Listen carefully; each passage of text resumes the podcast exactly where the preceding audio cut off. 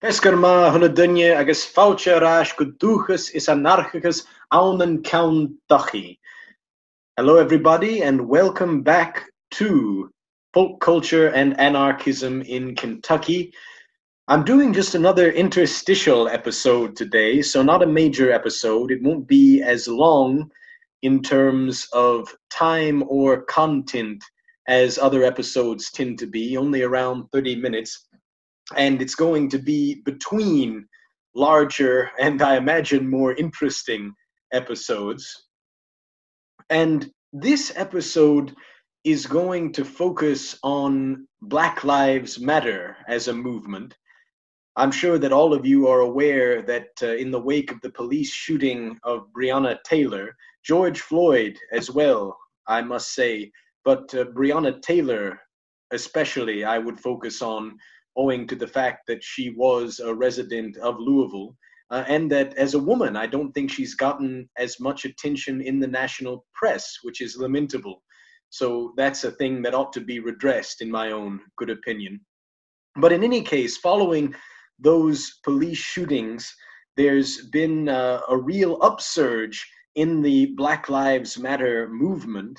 Uh, it's once again in the headlines throughout the world, and protests have been mobilized and undertaken in various cities, uh, some of which took on the character of what could uncharitably be called riots, but what I would call urban uprisings.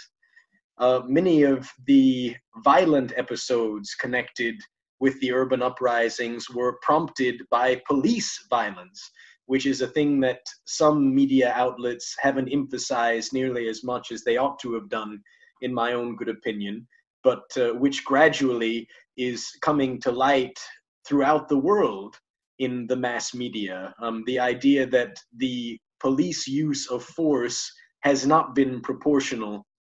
And this upsurge, this groundswell in BLM activity coupled with the reactionary response of the police, um, has led in turn to uh, a blossoming in terms of public acceptance of the movement's aims. Um, it's nigh on revolutionary, and I'm very pleased to see it. People are talking about the defunding of police in certain cities. Uh, people are removing a great deal of public iconography, including statuary, that uh, for many decades has been controversial among people of color, particularly the black community. And it's actually in the context of this question, the removal of statuary, that I would like to comment today. Um, my own sort of journey and thinking in terms of the statuary removal has been a bit fraught. I've not been exhibiting good allyship, many would argue, in that one statue in particular I took issue with. That is the recent removal of the statue of Castleman, that is General Castleman, um, a former Confederate soldier who, in my way of thinking, underwent after his Confederate service a redemptive arc and really became in the late 1800s and early 1900s uh, what would today be considered a social justice activist. Um, he prevented a number of lynchings. Uh, he prevented the segregation of the Louisville park system. And he renounced the Confederate cause on the basis of the inequality that uh, it fostered, that was inherent to its existence but nonetheless, his statue was removed. And at first, I was very disappointed in this. I think for personal reasons, the idea that privilege and ignorance can be undone or can be counteracted um, by a lifetime of striving toward the aims of social justice is you know fairly important to my philosophy as a person. Um, in the absence of that tenant, well, I would be a hopeless case, I imagine, as would a great many people who are currently, well, protected under the mantle of whiteness, although, as we've discussed in some episodes, that mantle is a double edged sword, but enough of that now. But the more I've considered the question of the Castleman statue's removal, and the more I've considered certain other elements of BLM that at first I found well questionable or distasteful. Uh, one of these I'll discussion I will discussion I will discuss I should say in brief just now as well. The use of the Black Power fist exclusively by black people. I found at first questionable. Um, a great many activists in the movement are uncomfortable with people using the upraised fist um, in solidarity with the movement if they aren't themselves black. And that at first didn't sit well with me because of the history of the symbol prior to its use as a black power symbol and really concurrently with its use as a black power symbol. Since 1917, that symbol, the upraised fist, uh, has been the official symbol of the International Workers of the World, the IWW. And it's also been a general symbol of leftist solidarity, particularly among anarchists. And traditionally, it's known no race. It was one of the foremost symbols of the revolutionary faction, the, the leftist faction in the Spanish Civil War. So it is a powerful anti fascist symbol and is used today by Antifa throughout the world, irrespective of race. So to hear some activists claim its exclusive use in the context of Black Lives Matter for Black people and only Black people uh, was confusing to me and a bit dismaying. But I've thought a great deal about these issues in connection with other people. Well, my friends on social media, for instance, and my friends not only in virtual reality, but reality, such as it is, uh, well, such as it can be socially, even with the uh, restrictions associated with COVID. And I've come to draw different conclusions. And I thought that I would share these conclusions in the hope of soothing and persuading people who were in a similar position to the position that I occupied not long ago. People who are on the side of Black Lives Matter, as indeed all of us should be, but who are uncomfortable with the targeting, whether it be appropriative or expulsionist, of certain emblems that we hold dear to our hearts. Um, I was giving the examples of the exclusive blacks only use of the black power fist or the leftist solidarity fist, that salute um, and also the removal of Confederate statues, particularly Confederate statues whose lives history shows to have followed redemptive arcs, but those need not be the only example. And it was a counter example provided to me by a friend that showed me what I think is a better way of thinking about these issues and it was the example of the Gaelic phrase ismashin, which as Gaelic speakers listening will know means uh, it is good that, you know, that's good.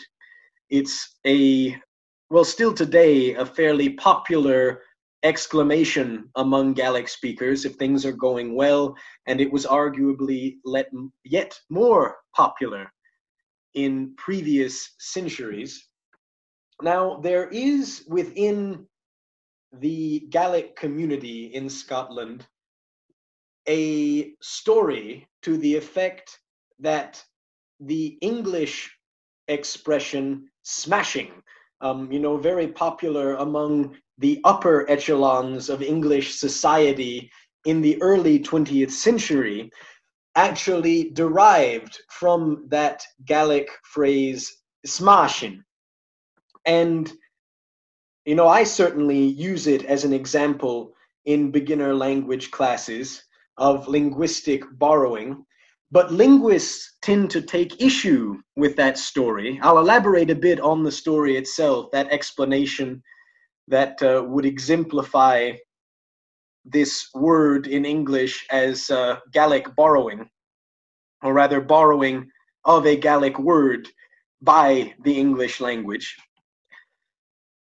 The story goes that it was transferred into English by Gallic speakers who were fighting in the front lines during either the Crimean War or the Great War, that is World War One, or both, and that the commanding officers who were monoglot English speakers effectively heard the frontline soldiers, many of whom would have been Irish, Scottish, or Manx Gaels, saying smashing when anything happened to go well for them. And they misinterpreted what was being said as smashing. Yes. And from that point on, they began to adopt it in their own lexicon. And it's actually quite a hopeful story for many people because it would mean that this word or this set of words, this expression, used by a marginalized community who, in the context of the conflicts I've just mentioned, the Crimean War and the First World War, were effectively cannon fodder, had nonetheless been able to influence the lifeways in small, well, in some small way, to some small extent, of their superiors. Um, well, superiors, you know, I scoff at that word, but the people who in hierarchy excelled them at that time, unjustly, I would argue.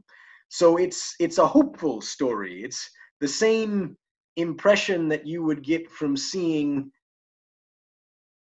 well, uh, a blossom or a, a sapling, you know, growing through tarmac or through concrete.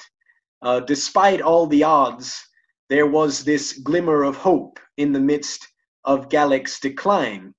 And there are numerous such examples um, of what many linguists would argue are spurious etymologies for English words that root them in Gallic. Um, well, the expression "geez," for instance, uh, well, not so much heard in English today, but you know, in the in the 1940s, 1950s, 1960s, "geez," which is fairly obviously a uh, a shortening of Jesus. You know, it it's just an attempt to avoid blaspheming. Um, and now, without the concept of, of blasphemy in popular culture, it's ebbed but a lot of people would have us believe that that expression, geez, um, comes from any number of expressions involving the word Gia, uh, meaning God. You know, Gia is murder, for instance, um, God and Mary. But a number of linguists, in fact, the majority of historical linguists, would probably say that these narratives are spurious. Uh, it's very hard in situations of linguistic contact to have borrowings go up the social ladder. Um, more often than not, you'll have a phenomenon known as elite emulation, whereby the language or the linguistic norms of the minoritized cultural group will be unduly influenced by the dominant group. So if we go back to the example of World War One, the Great War, it's very unlikely that these Gaels who were fighting in the trenches would have been able, in even a small way, to influence the linguistic practices of their superior officers. And again, I reject that notion of superiority and all it entails, but their commanding officers, we might in that case say.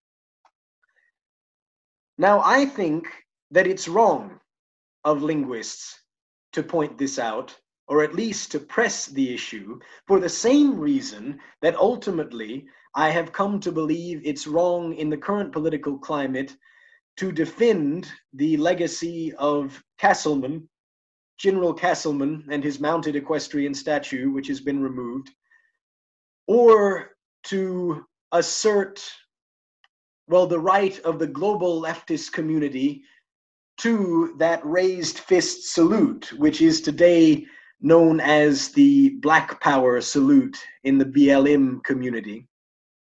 I think that the reason that it's unjust to bring up these facts in the context of these social justice movements is that it's putting fact before truth. Now, you know, a great many of you will balk at this sort of notion. Um, well, uh, especially a great many of you, perhaps, who are in the skeptic community. Um, skeptic with a K, that is, a distinction that really would only exist in the UK, but even so. I know a great many people would say that fact and truth are synonymous, and you know, what do you mean by drawing a distinction between fact and truth, or truth with a capital T and truth with a lowercase t? Uh, especially suspect, some would argue, in terms of my Christianity. Am I going to begin proselytizing now? Or defending biblical literalism, that sort of thing?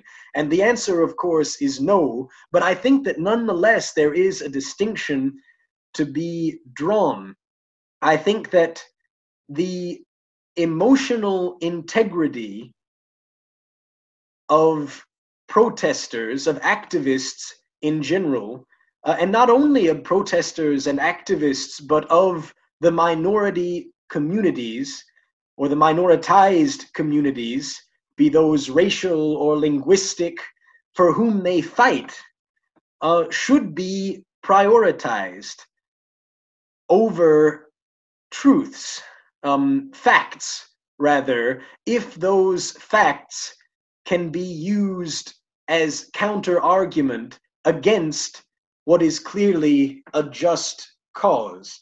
And I'll elaborate on that just a bit more. As I've said, returning to the example of smashing, that etymological narrative, be it true or false, brings a great deal of pride to a great many Gaels. It's a widely repeated and widely known anecdote. And in its own small way, it's a story of the Gaels getting the better of the British aristocracy, which in most cases has oppressed them horrifically and without their recourse to justice and usually without punishment for those who were doing the oppressing. So I think, in that sense, that narrative, be it historically or linguistically valid or not, is actually of great importance. And I think that there's more value in its repetition, in that it engenders pride among Gaelic speakers, than there would be in its correction even though its origins in history are dubious. And I would say the same thing about the question of the Castleman statue and the question of the raised fist salute.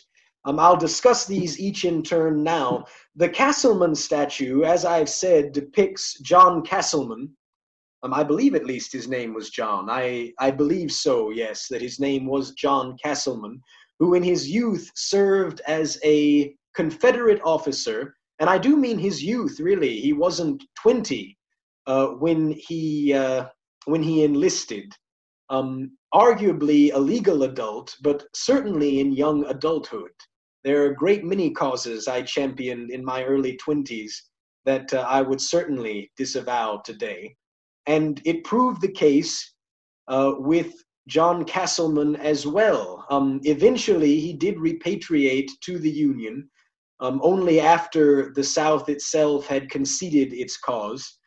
Um, but afterwards, after his repatriation, um, he became, as I have said, a champion of civil rights.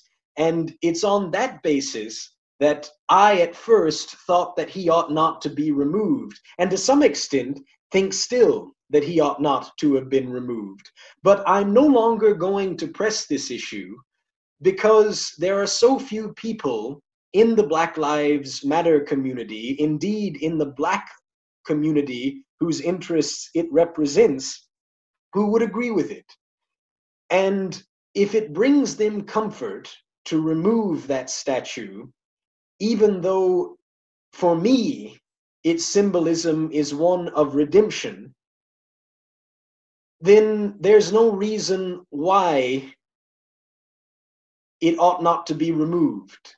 There's no reason why I, from a place of privilege, ought to prioritize my perspective over theirs, even if the historical truth is on my side, I would argue.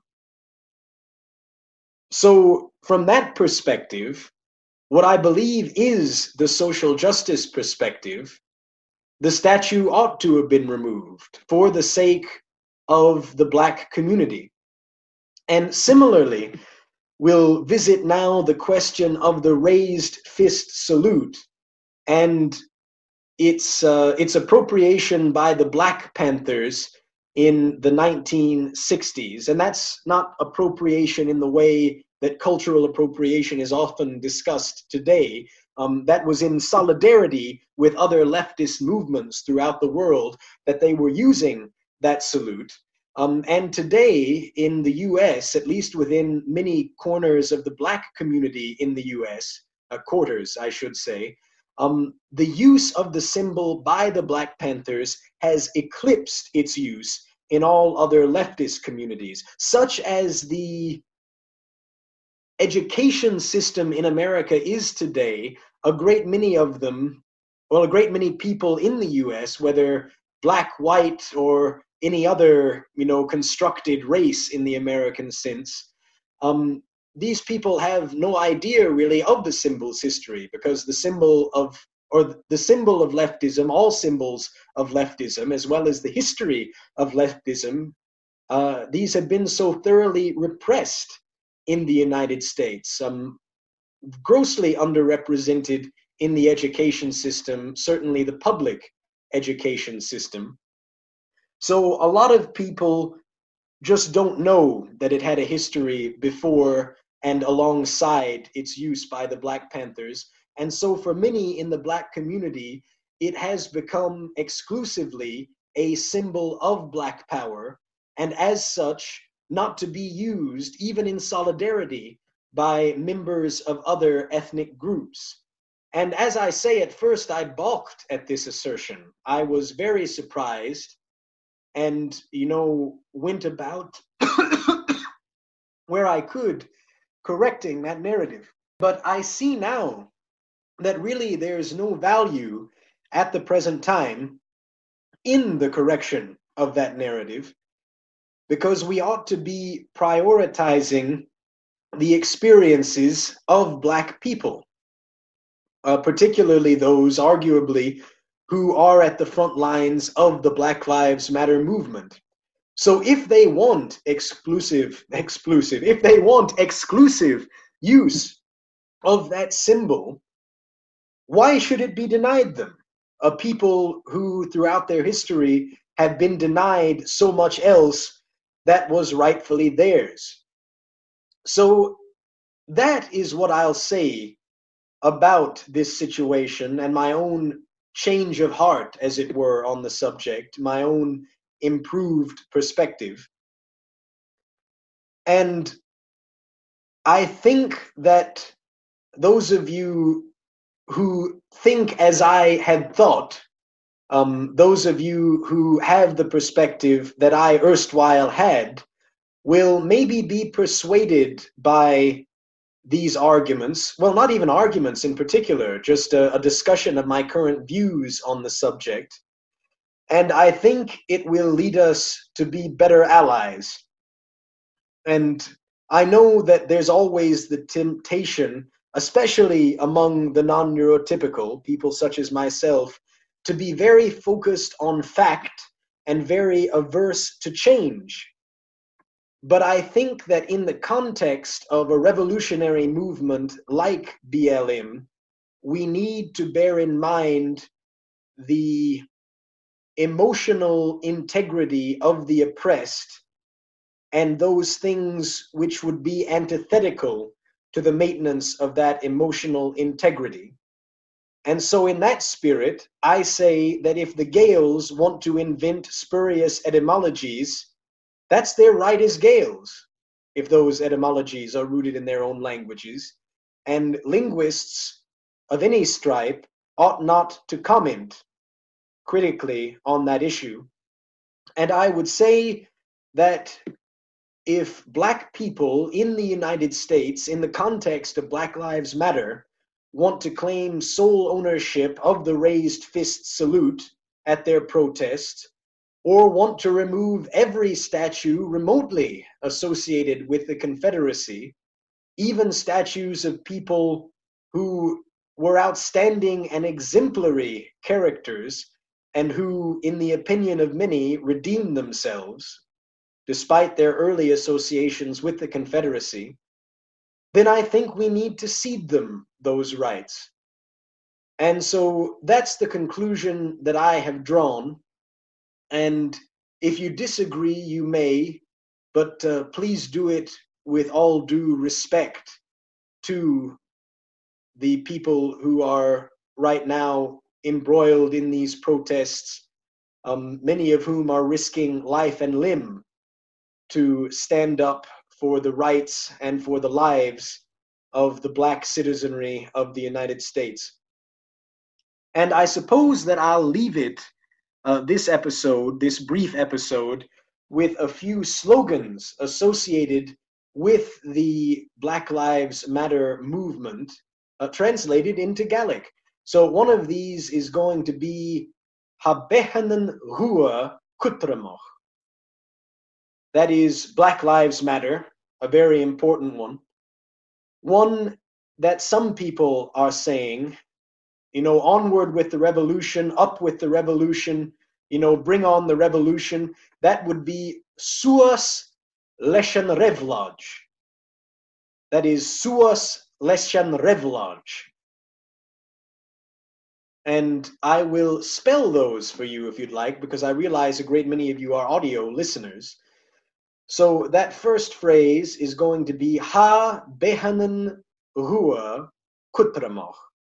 Ha, T H A, space, behanen, B E A T H A N A N, behanen.